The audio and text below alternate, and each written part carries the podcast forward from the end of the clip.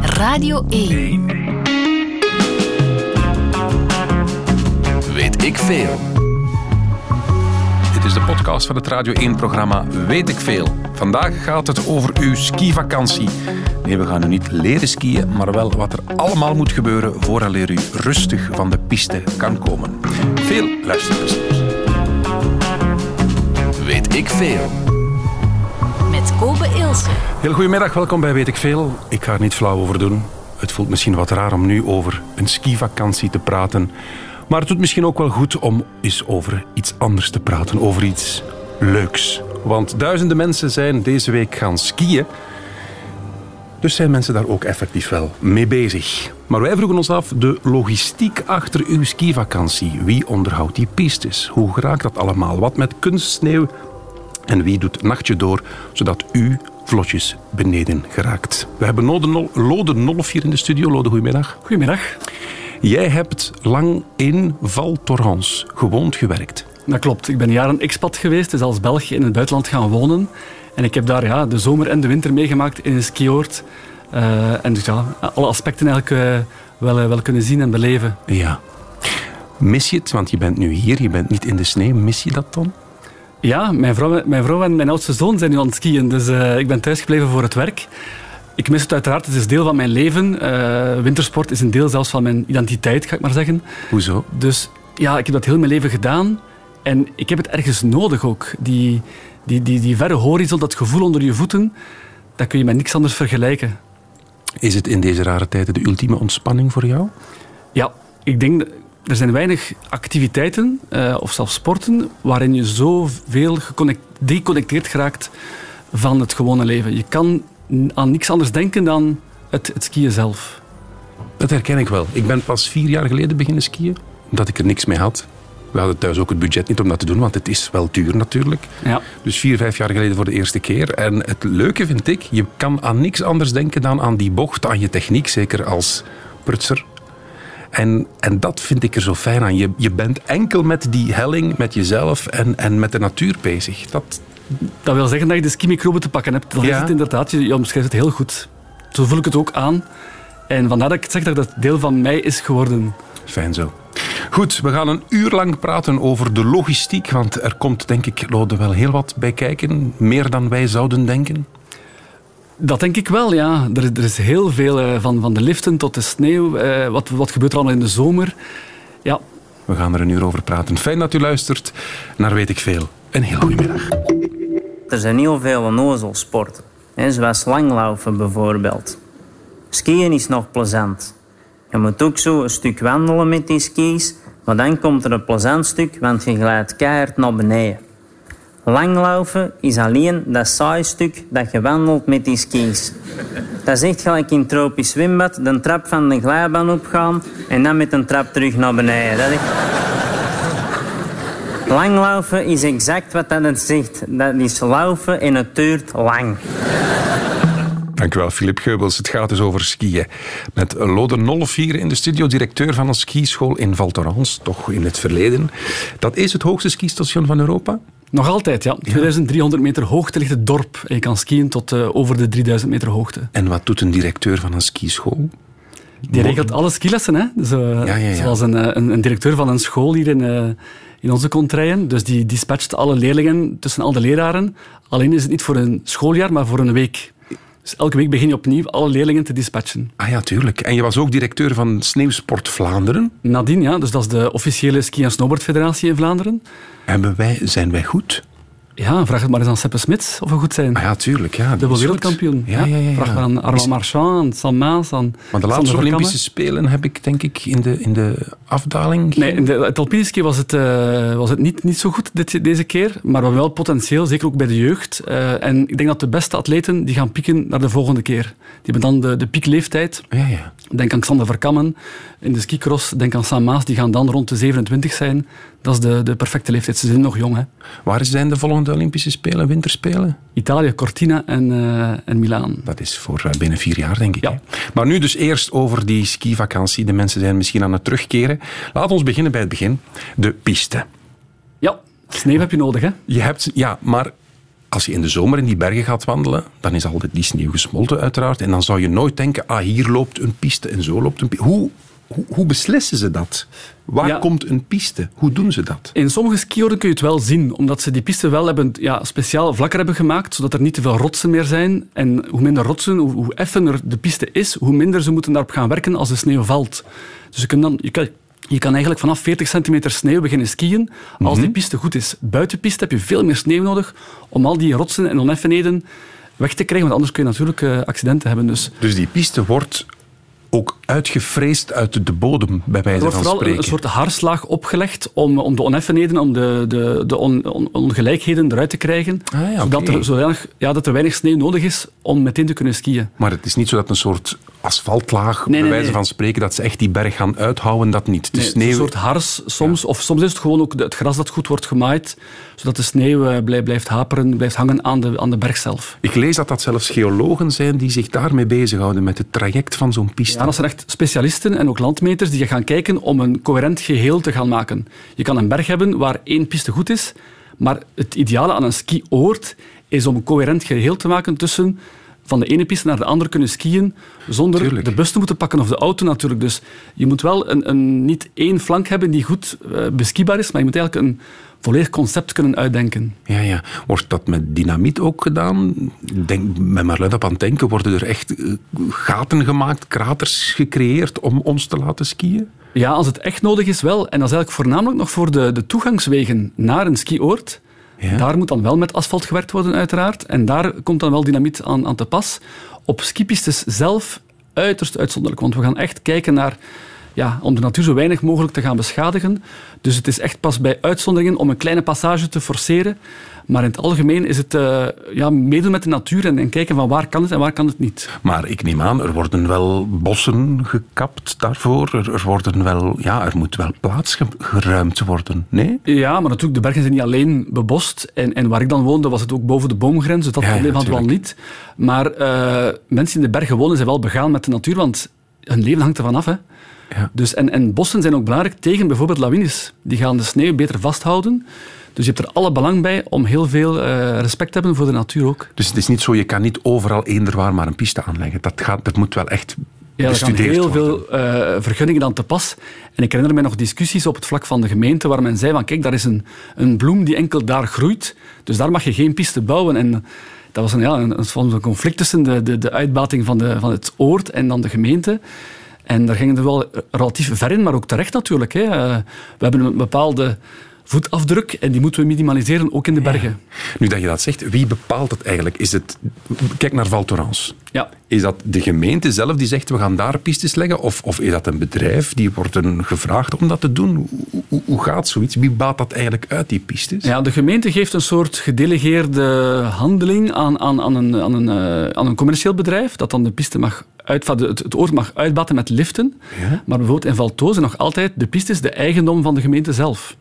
Ah, en de uitbating moet elk jaar 10% van zijn omzet geven aan de gemeente voor het onderhoud van de piste, dat zij dan regelen. 10% van de omzet. Enig idee wat die omzet is? Ja, bijna 70 miljoen euro per jaar. Enkel valt er Ja. Goh, dat gaat over gigantisch veel geld. Hè? Dat gaat over veel geld. Dat krijgen ze natuurlijk door de liftpassen te verkopen. Maar de liftpassen in, in Frankrijk zijn eigenlijk uh, van de laagste van de wereld. Je betaalt in Valto 250 euro voor een weekpas. Dat geld ben je kwijt op één dag in Veil in Amerika. Is dat zo? Ja, ja, ja. In Amerika zijn die skipassen zo duur. 250 dollar voor een dag in Veil, ja. En die skipas betaal ik puur voor het onderhoud te doen, de aanleg te doen, dat soort dingen. Dat gaat daar naartoe. Ja, we leggen altijd de liftpas. De mensen denken natuurlijk alleen maar aan de lift dan, want dat is het, het meest indrukwekkende. Maar ook ja, de beveiliging van de piste hoort er dan bij. De, de, de, het, het, het walsen van de piste, dus het klaarmaken van de piste enzovoort hoort er allemaal bij. Dus uh, er komt heel veel bij te kijken. Ja. ja. Um, die liften, zet je dat zomaar ergens neer? Nee, ook daar dat is ook werk van specialisten om die, vooral die pilonen die dus de steun bieden voor die kabels, uh, om dat direct uit te stippelen, dat is echt uh, heel secuur werk. Ja, dat is ingenieurswerk. Hè. Ja, ja, ja. Um, ik lees dat, het, dat de zon ook invloed heeft op waar een piste komt. Ja, mensen skiën graag in de zon, hè? dus dat is, dat is nogal duidelijk. Dus de, de zuidflanken worden, zijn, zijn gegeerd. Ehm, en dat gaat ook ja, een effect hebben op, op, de, op de beleving. Hè. Dus de mensen gaan altijd zoeken naar uh, zuidelijk gelegen oorden, pistes die dus uitgeven op de zon, dus eigenlijk in het noorden liggen. Ja. Ehm, dus dat, dat, dat berekenen we ook als we gaan kijken naar waar gaan we nog de volgende piste leggen. En dan gaan we kijken naar wat gaan de mensen het meest doen. En dat kan je makkelijk doen sinds we toch al een aantal decennia die liftpassen hebben die je kunt traceren. Hè. Elke lift wordt je gebatcht, als het ware. Dus dan kunnen we zien welk traject volgen de mensen en waar hebben ze dus ah, nood aan. Wordt allemaal bestudeerd, uiteraard. Dus die mensenstroom wordt de hele tijd in het oog gehouden. En, en, en dan zien ze van ja, die piste is niet populair of die ligt slecht. Daar, daar moeten we iets aan veranderen. Ja, of ik hield er dan rekening mee als ik leraar was. En het was dan hoogseizoen. Dan ging ik eigenlijk tegen de wijzers in gaan skiën met mijn leerlingen om niet te veel aan te schuiven. Dan begon ik bijvoorbeeld waar de meeste mensen niet begonnen. Eh, waar er iets minder zon was in het begin van de dag. Maar dan ging ik ja, tegen de wijzers in. En Valtrans is het een soort een circus, een, een arena. En de meeste mensen skiën met de wijzers mee, met de zon mee. En ik ging dan vaak omgekeerd te, werk om minder volk tegen te komen. Hè. We gaan eens even iets verduidelijken. Die pistes. Je hebt kleurcodes. Mhm. Noem ze nog eens op. Groen is het gemakkelijkste, dan blauw, rood en zwart. Van waar komen die kleurcodes? Wie is daar ooit mee begonnen? Ja, dat zijn standaarden om de mensen ja, duidelijk te maken van hoe moeilijk of hoe gemakkelijk zal het hier zijn. Hè? Als je boven komt op de berg en je kent het niet, en je kan ja, het moeilijk inschatten van bovenaf waar je, waar je, wat je zal tegenkomen. Ja. Moet je dat wel weten natuurlijk. Dus uh, vandaar die codes. En wat is dan het verschil tussen groen en blauw? Ja. De hellingsgraad, de breedte, het, het aantal obstakels? Combinatie van dat alles eigenlijk. Ehm, nu, je kan een heel gemakkelijke piste hebben met één moeilijke passage en dan is het geheel rood bijvoorbeeld. Omdat die ene passage maakt dat het niet meer blauw kan zijn. Dus sommige mensen zeggen ook van ja, ik kan van rood af, ik kan van zwart af. Ja, in welke omstandigheden? Soms kan uh, gemakkelijk rood of juist geprepareerde piste, een rode piste, gemakkelijk zijn.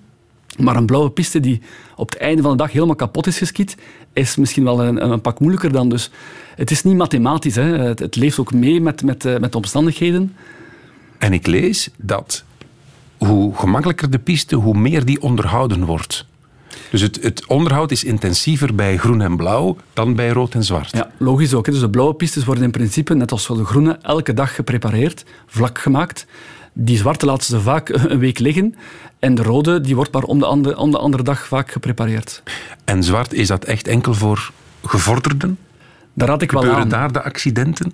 Nee, de meeste accidenten gebeuren op de blauwe. En dat is op de blauwe? Ja, omdat één, daar zijn de meeste mensen op. Uh, twee, daar zijn de snelheidsverschillen tussen de mensen onderling ook de grootste. Op een zwarte piste kan niemand snel skiën. Daar zijn gewoon te veel obstakels. Ja. Um, op de rode zie je toch heel weinig beginners of de enkeling die echt daar uh, verloren is gelopen. maar op de blauwe, daar komen we wel allemaal waar eens. En daar zijn dus de, de, de snelheidsverschillen de grootste. En heb je ook de mensen met het minst ervaring die toch al eens proberen en vandaar ook daar de meeste accidenten veroorzaken. Klopt het dat de meeste accidenten eigenlijk gebeuren doordat een snelle skier botst op iemand die al stilstaat, dat dat eigenlijk de, de meeste ongevallen zijn? Nee, de meeste mensen vallen gewoon zelf om. Ah, oké. het is dikwijls de eigen De meest spectaculaire zijn natuurlijk de botsingen. En dat hoorde natuurlijk in het nieuws, nu onlangs ook een, een Franse acteur die zo verongelukt is. Ja, ja eh, Schumacher, er zijn, er zijn voor, maar heel veel zelf gevallen. Hè? Schumacher is inderdaad zelf gewoon gevallen, uh, buiten piste, maar enkele meters buiten de piste, op een rots. Ja. Ehm, maar die is dus zelf gevallen. Gaspard Huel, de, de Franse acteur, die is gebotst. Met iemand. Met en hij had geen helm op, dacht ik. Nee, dat is zo toch uh, vernomen geweest. En de andere persoon had wel een helm aan. Ja. En dan is het natuurlijk zacht tegen onzacht. Je noemt het buitenpiste is, lijkt mij als ik het hoor in het nieuws, als je over lawines hoort en slachtoffers, dat zijn altijd, of toch dikwijls skiers die zeggen van we gaan buiten de piste. Wat wil dat precies zeggen? Dat je echt letterlijk buiten het afgebakende gedeelte gaat? Ja, buiten de geprepareerde zones die ook beveiligd zijn. Is dat legaal? Absoluut. Dat is absoluut je mag legaal. dat doen? Ja, ja, absoluut. Oké, want ik dacht altijd dat dat verboden was. Nee. nee, nee, er zijn heel sommige er zijn uitzonderingen. Bijvoorbeeld natuurdomein, een, een natuurgebied, daar mag je niet in. Niet omdat het buiten piste is, omdat het een natuurgebied is. Ah, ja, Dat wel dan natuurlijk. Maar buiten piste skiën is absoluut niet verboden. Maar wat raden we als professionals uiteraard aan? Dat is één, je omkadering. Uh, dus een, een, professional meepakken. Als je zelf, zelfs ik, als ik buiten piste ga skiën, ga ik nooit alleen. Van zijn leven niet. Waarom zou je dat niet alleen doen? Om, als, als mocht er iets gebeuren. Ja, Niemand kan me uitgraven. Hè? Uitge ah ja, oké. Dan heb je het over de lawines. Ja. Terwijl als je met verschillende gaat en je houdt genoeg afstand, dan is de kans dat je allemaal bedolven raakt veel kleiner. En we hebben ook de goede apparatuur bij, hè? dus uh, de, de, de lawinebiepers, de schoppen, de sondes en de airbags om, uh, om het risico te verminderen.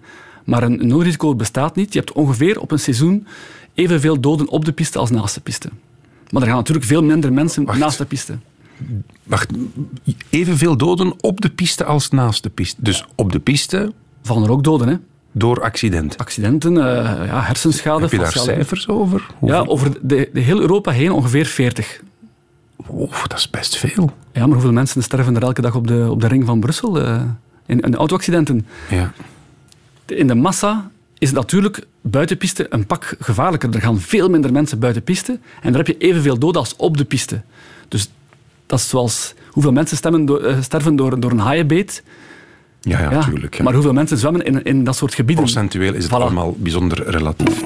En vorig jaar stond ik dus, vorig jaar wist opeens op een paar van die latten met een paar van die stokken. Dus ik stond ik voor het eerst in zo'n treintje, ja. En om mij heen stonden allemaal mannen die al honderd jaar in dat treintje stonden. Om ook zo naar mij te kijken. En ik was de enige. Hè, uh, nou, ik moet ook vertellen, ik was de enige met de skis aan. Dat moet ik wel... Uh... Ja, wacht even, ik wist dat dus niet, hè. Ik wist dat niet. Ik stond op dat perron, dat treintje ging open, dus ik eerst met die ene zo... Zo, up, in dat middenpad. Deze stond toen nog op het perron, die moest ik dus nog naar binnen zien te krijgen. Maar dat ik mijn oudste zoon met humor, die zei tegen die conducteur... We kunnen, dus ook. Ja. Lang leven Joep van Teck. Lode Nolf is hier bij ons, is uh, jarenlang de directeur geweest van een skischool in Val Thorens. Dus kent de bergen en kent de sneeuw als geen ander. Net al over de pistes gepraat, hoeveel verschillende soorten er zijn buiten de piste. Maar we zijn eigenlijk een stap te ver al, want laat ons even teruggaan naar het allerbegin. Wat moet er gebeuren, s'morgens, s'nachts neem ik aan, vooraleer je op een comfortabele manier die berg af kan komen? Wie is daar, houdt zich daar allemaal mee bezig? Hoeveel mensen, hoeveel apparaten? Wat, wat gebeurt er allemaal s'nachts en s ochtends vroeg? Ja, dus we hadden het er pas over. Hè. De, de, pistes worden vlak gemaakt. De, de, meeste mensen hebben graag een vlakke piste in plaats van een, een hobbelparcours. Ja. Dus dat gebeurt met snowcats. Dat zijn van die enorme tractors met een, met een grote ja, ploeg achteraan die de sneeuw terug vlak gaat maken. Ja. Dat zijn er in Valto zijn dat er een goede twintigtal, vijfentwintigtal uh, machines die dus alle bergen afrijden, alle pistes terug vlak doen. En die chauffeurs die doen dat in twee shifts. Dat is dus van s'avonds vijf uur tot dan twee uur s'nachts. En dan komt een nieuwe shift van twee uur tot uh, negen uur s morgens. Dus dat, letterlijk nachtje door? Ja, ja nachtje doorrijden. Ja. Ja, dat is uh, bijzonder intensief, maar ook wel heel sferiek. Hè. Dat is, die, die, die mensen die dat doen, ik heb een aantal vrienden die dat doen, die, ja, die doen dat ook graag omdat ze ja, in de sterrenhemel bovenaan alleen op de berg zijn met, met, met een machine. Ja. En, en ook vaak fervente skiers zijn en dus er een sport van maken om daar een, een, een, een, een zo goed mogelijk product af te leveren, hè, een vlakke piste af te leveren. Want ja, dat zijn een soort ploegen. Ja, je kan het best vergelijken met enorme tractors met ploegen ja. en, en, en sneeuwrupsbanden die dus de sneeuw gaan omwalsen uh, en terug vlak maken. Wat is goede sneeuw? Want ook daar hoor je veel over. Hè? Van, ja, het mag niet te plat zijn, te hard zijn, want dan krijg je ijsvorming en ja, dan, dan glijd je weg. Het mag ook niet te plat zijn, want dan, ja, dan, dan is het zo'n soort modder. Allee, of, of is een, een pap. Ja, de ideale sneeuw is ongeveer 4 graden onder de nul. Uh, en is inderdaad ja, vers. Hè? Dus niet, niet, niet veel kapot geskiet geweest en dan terugvlak gemaakt geweest. Ja. Dus dat is de ideale, dat is de, dat is de, droom, dat is de droomsneeuw. En dan die blauwe lucht, hè? En dan de staalblauwe lucht. En dan zo weinig mogelijk volk op de piste, dat is dan mooi meegenomen. Heb je zo'n moment waar je aan, aan, aan denkt van... Ja, dat, toen klopte het plaatje volledig? Ja, eigenlijk nu, na corona, we hebben dat twee seizoenen zo goed als helemaal gemist, uh, nam ik de lift in Orel. Dat is de, de... Wacht, we gaan, we, gaan dat even, we gaan dat even wat... Ja, voilà. Ja, dus ik, ik, ik, nam de eerste lift in Orel. Dat is de, de overkant van Valterans, de kant waar je op 400 meter ongeveer de wagen parkeert. En ik nam de eerste lift, lang aangeschoven, uh, als eerste daar staan, uh, staan, uh, staan wachten. Dat was nu in december, dus... Ja. Na de corona, eerste keer ik terug op de ski stond, sinds twee jaar. Voor mij is dat een eeuwigheid. Ah ja, tuurlijk. Ja, terug naar boven, eerste lift naar boven. En ze hebben daar nu een lift gebouwd van 400 meter tot 3200 meter hoogte. In één ruk naar boven. En ik kwam boven en de lift die daartoe komt aan de andere kant van Valtrans, die was nog toe. Dus alle toeristen die in Valto bleven, die waren nog niet naar boven geraakt. Dus ik was daar de eerste, boven op een van de meest mythische bergen van de Alpen. En niemand voor mij. En dan ja, met mijn vrouw naar beneden kunnen skiën ja, natuurlijk in, in, in volle snelheid, op een perfect gereden piste, daar krijg ik nu nog kippenvel van. Dat is een van mijn mooiste momenten van de afgelopen jaren. Dat is altijd wel een bijzonder moment als je die, die, die lift uitstapt of uitskiet. Hè. Het hangt er vanaf welke lift je neemt. En, en je staat op die top en je kijkt... Je hebt dat 360 graden zicht met al die toppen in de verte, die blauwe lucht. Dat, dat is wel een speciaal moment. Dan. Ja, die, die verre horizon. Hè. We zijn gewoon van in, in een bebouwde omgeving te, te wonen en te werken en te leven. En dan ineens is die horizon zodanig ver en zo gevarieerd. En dan het lichtspel, ja, vandaar dat we, dat we zo gebeten zijn van, van, van de wintersport. Ik heb ook zoiets, ik adem dan altijd heel hard in en uit en je hebt zo het gevoel dat je bijzonder verse lucht inademt. Ken je dat gevoel? Ja, absoluut. Die koude die je in je longen voelt. Die koude, pure lucht. Hè. er is bijzonder weinig vervuiling bovenaan op de berg. Mhm. Je ziet ook vaak de, de, de, vervuiling in het dal liggen, hè, als je daar bovenop staat. Dan besef je hoe ja, bevoorrecht je bent in de bergen. Dus je hebt twee jaar niet kunnen skiën, niet mogen skiën. Alles was dicht. Ja. En je gaat dan voor die eerste keer van die perfecte piste naar beneden. Dat was zo'n contrast, hè. Dat was ongelooflijk. Hè. Dan valt het mij op, als je zoals een van de eerste naar beneden komt, dat die piste, dat daar fijne ja, streepjes in zijn. Ja, die komen dus van die snowcats. Dat zijn die snowcats. Ja, achteraan die snowcats zit een soort vrees, noemen ze dat. Een soort ploeg die op het einde van het malen van de sneeuw daar ja, hele kleine streepjes in trekt.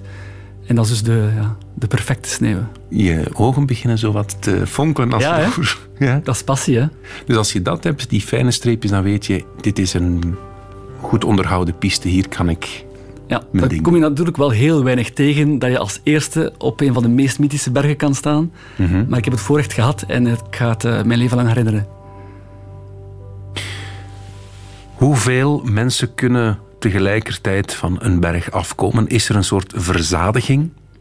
Wordt er in Val Thorens, want dat ken je natuurlijk, Valto moet ik zeggen, hoor ik. Ja, dat is voor de insiders. Hè? Is, is, er een soort limiet? Zeg je van, nee, nu is er te veel. Sluiten de liften dan? Hoe wordt dat geregeld? Ehm, wat ze doen, is dus het aantal bedden afstemmen met het aantal kilometer piste. Dus die verhouding moet wel kloppen natuurlijk. Dus je hebt ongeveer 25.000 toeristische bedden in Val Thorens. En je hebt iets meer dan 150 kilometer piste. 150 kilometer? Kilometer piste.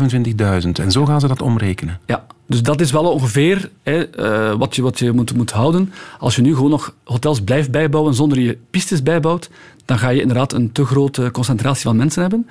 Ook omdat, zoals ik daarnet zei, ik kom zelf van Orel. Ik bleef niet in Val Ik kwam opge, op, met de lift vanuit een andere oord.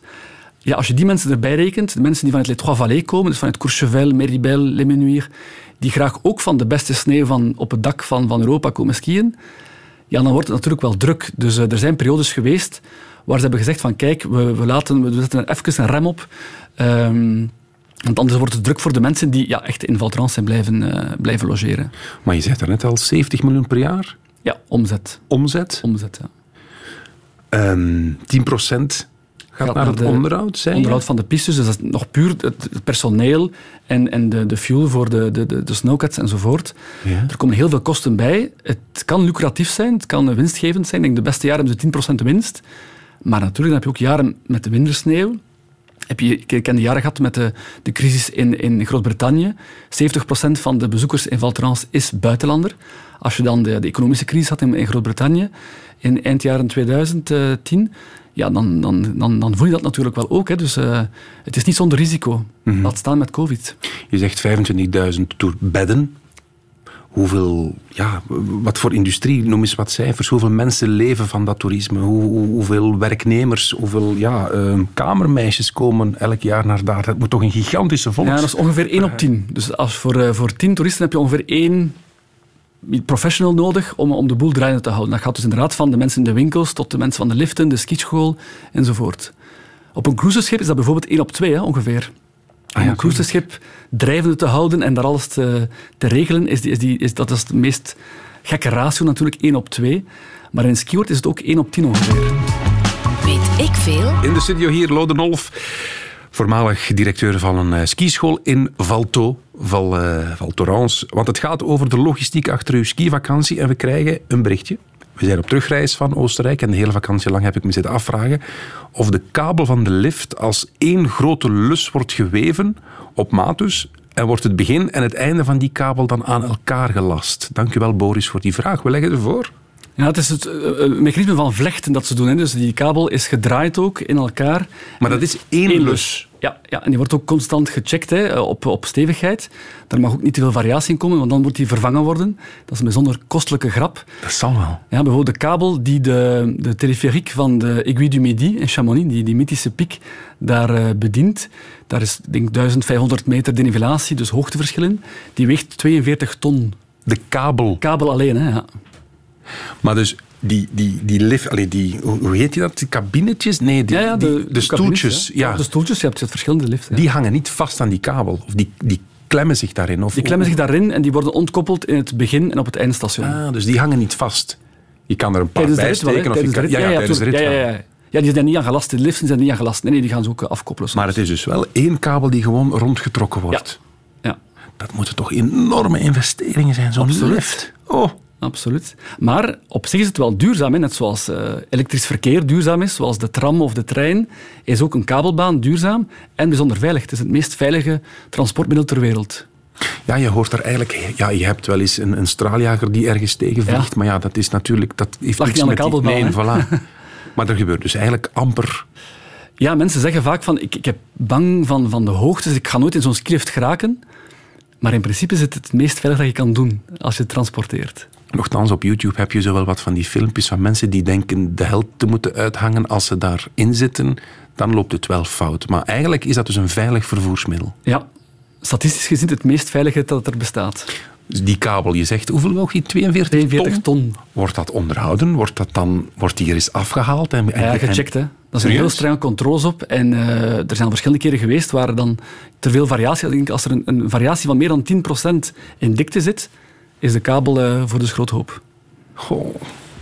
En nog een andere vraag. Een Belg uit Peer... Ja, geen uh, naam erbij. Ja, Ben.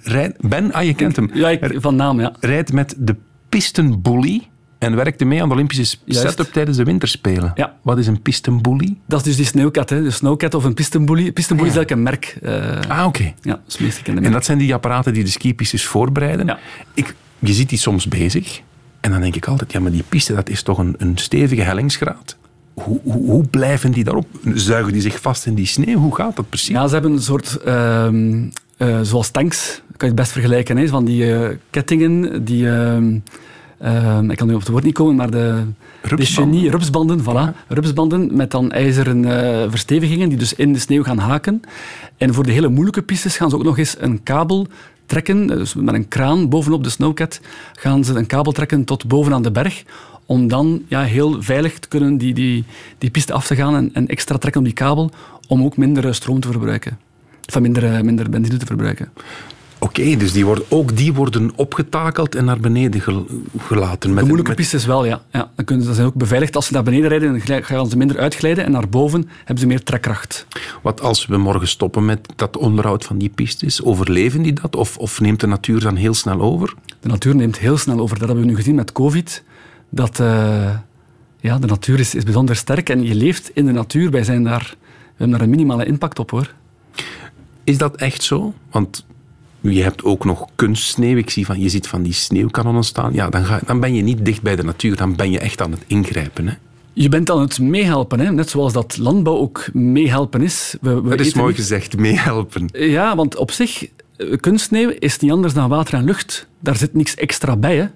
Dat is water die door een, een, een heel smalle opening gaat en waar lucht door komt. Net zoals de wolken sneeuw maken. Hè? Ja. Dus dat is kunstmatig, net zoals je wortels kunt zaaien of ze gaan plukken in het bos. Enig idee hoeveel kunstsneeuw er dagelijks wordt geproduceerd in, in Val Thorens? Dagelijks is moeilijk. Je, je, hebt ook eh, de goede temperatuur nodig. Dus het moet sowieso wel vriezen. En uh, er moet ook nood aan zijn om sneeuw te maken. Er is één bijzonder droog jaar geweest in Valto, uh, een aantal jaar terug, waar ze 500.000 kubieke meter sneeuw hebben gemaakt om uh, ja, om, om dus het seizoen te kunnen starten. Een half miljoen kubieke sneeuw, kubieke meter sneeuw. Dat is natuurlijk niet, niet zoveel water daarvoor nodig, want sneeuw is veel luchtiger dan water. Maar dat was inderdaad een van de recordjaren om, om het skiseizoen te beginnen, omdat de grond moet ook afkoelen. De grond was eigenlijk te warm door heel lange droogte, was de, de grond ook warm geworden. Mhm. En dus de sneeuw die ging vallen, ging ook meteen smelten Vandaar dat dan de, sneeuw, de, de grond laten afkoelen door die kunstsneeuw. En daarbovenop valt dan de natuurlijke sneeuw. Vandaar dat ik zeg, het is een handje helpen. Heel even dit.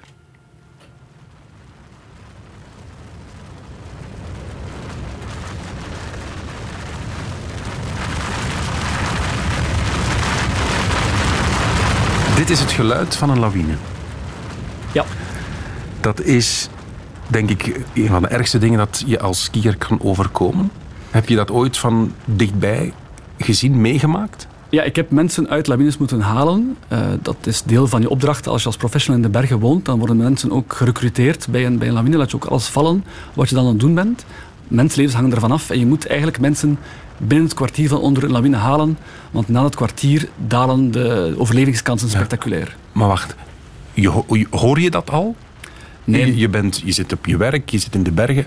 Hoor je lawines? Nee. Je wordt opgebeld door de, door de veiligheidsdiensten die zeggen je moet mobiliseren om, om het te, te gaan rescuen. Ehm, ook op de piste, als je zelf aan het, aan het skiën bent, heb je niet meteen door als je wordt gegrepen door lawine. Hoor. Dat is, uh... Meen je dat? Want als, als, je dat geluid, als je dat geluid hoort, ja, maar dit is een aerosollawine, om het even technisch te houden. Ja. Dat is een lawine die dus met droge sneeuw heel snel voorbij raast, zoals een windwervel. Ja. Dat is wel zeldzaam. Uh, de meeste ah, lawines zijn platenlawines, dus die echt in, in schuiven naar beneden, zoals een lasagne, die, die slecht aan elkaar hangt, naar beneden komt geschoven. En uh, mensen worden gegrepen zonder dat ze het doorhebben hoor. Dus je kan aan het skiën zijn en opeens vlam, lig je eh, meters piste. ja, ja buiten de piste. Ja, Is dat zo? Dus is het 100% gegarandeerd als je op de piste blijft dat het lawinegevaar nul is? Ja, 0,0001. Er, is, er zijn wel een aantal incidenten waar het uiteinde van de lawine uh, uiteindelijk toch op de piste is gekomen, maar er zijn uh, naar mijn weten geen mensen gestorven door lawines op de piste. Ehm, het is wel zo dat de, dat de lawines worden losgemaakt. Dat zijn die knallen die je hoort s morgens in de bergen. Ja. En die knallen is in feite om de lawines los te maken, zodat ze nadien niet meer kunnen per accident of op een natuurlijke wijze gaan loskomen en dan de slachtoffers gaan maken. Wordt dat dan gecommuniceerd van niet schrikken, we gaan hier wat explosies? Nee, dat, dat gebeurt gewoon. Dat, dat, maakt deel uit van de bergen. Even terug naar die momenten waarop jij bent gaan helpen. Dus je krijgt die telefoon, mhm. je stapt dan op een sneeuwscooter. Wat, wat, wat doe je? Waar moet je naartoe? Want ja, waar liggen die mensen? Ja, dat wordt dan aangegeven, de sector wordt aangegeven waar het is. En dan zie je het ook wel, hè, natuurlijk, de, de, waar, waar een, een, heel pak sneeuw is losgekomen. Maar je ziet niet waar ze onder liggen, natuurlijk. Ah, nee, nee, nee. Dus dan is het uh, kwestie van sneeuwlawinehonden uh, te hebben. Die, die... Lawinehonden? Ja, ja die, die honden die, uh, die kunnen gaan, gaan die hebben een enorm reukvermogen en ruiken dus de mensen onder de sneeuw. Dus die, ik denk dat één hond is gelijk aan honderd uh, mensen die komen helpen. Hè. Als je een hond hebt, dan, dan heb je veel meer kans om mensen te vinden. En uiteraard hoop je dan dat de mensen een beeper mee hebben. Hè. De beste rescuers zijn niet de mensen die worden opgeroepen. Dat is je onmiddellijke omgeving. Zij die meegaan, meegaan met jou en die dus komen zelf helpen. Hè. Wat zeg je tegen mensen die buiten piste gaan? Wat, wat nemen ze mee? Professionals, één. Goede omkadering. Uh, ga nooit alleen. En goed materiaal. En je moet het niveau hebben. Die beeper, zei Ja, lawinebieper, zonde, om dus te gaan voelen waar zit iemand onder. En de schop om die uiteindelijk vrij te behouden. Heb je, je hebt dus echt mensen van onder de sneeuw gehaald, letterlijk. Ja. ja. Levend en soms uh, niet meer. Meen je het? Ja. Dat is deel van ja, Net zoals de mensen, ambulanciers nu op de ring van Brussel ook mensen moeten gaan halen tussen twee camions of zo. Hè. En, en als ik dat mag vragen, hoe sterft iemand dan? Is dat verstikking? Is dat, is dat door het trauma? Is dat door de impact van die kracht? Dank er vanaf. Dus je kan stikken, je kan verdrinken door, door ja, water uiteindelijk op te, op te, op te nemen. Of uh, niet genoeg zuurstof te hebben. Of inderdaad door de impact van de lawine zelf en het meegesleurd worden door de lawine kun je ook natuurlijk ja, levensbedreigende letsels oplopen. Het is misschien een kinderlijke vraag, maar ik heb ooit gehoord dat je dat moet plassen om te weten waar, het, waar boven en onder is. Ja, dan ga je nat zijn en dat zit. Want wat ga je doen? Je bent bedolven onder de sneeuw. Je, je, je, kan jezelf daar niet uitgraven? Uiteraard, dat, is, dat, dat, dat weegt tonnen. Is. Sneeuw heeft, is, is, is heel compact. Dus uh, moest het zo gemakkelijk zijn, dan zouden er geen doden vallen natuurlijk. Hè. Nee, natuurlijk. Dus uh, je bent bedolven, je hebt inderdaad geen oriëntatievermogen meer. Uh, maar je kan ook niet, niet meer bewegen. Hè. Ik moet, je moet maar eens proberen onder een meter. Ik denk dat de, de Bruce Koppes het ooit eens gedaan, ook op tv. Met een, met een meter sneeuw bovenop je, op je hoofd, eh, dan beweeg je niet meer hoor. Weet ik veel? Lodenhoven in de studio hier bij mij. Nog één vraagje dat binnenkomt. Ehm, is het eigenlijk allemaal wel zo duurzaam? die skivakanties. Want de uittocht met de wagen allemaal naar daar, dan kunstsneeuw, water, onderhoud. Je zegt het is dicht bij de natuur, maar is het duurzaam? Is het ecologisch? Nee, we zijn deel van het probleem. Dat besef ik als wintersporter ook. En dat heeft mij ook zelf inzicht laten geven en meer gesensibiliseerd rond ecologie en, en mhm. de, noodzaak daar rond. Dus ik denk dat ik dankzij mijn connectie met de bergen ecologischer ga leven. Maar de wintersport zelf is een deel van het probleem. Dat beseffen we al te goed. Zowel het transport, zoals je daar pas zei, de mensen die met de wagen naar daar rijden, als het onderhoud, dat zijn de twee grote vervuilers. Die uh, snowcats waarvan spraken. De snowcats, die hebben 600 pk, dus dat, dat, dat, uh, dat, zijn, dat zijn veel verbruikers.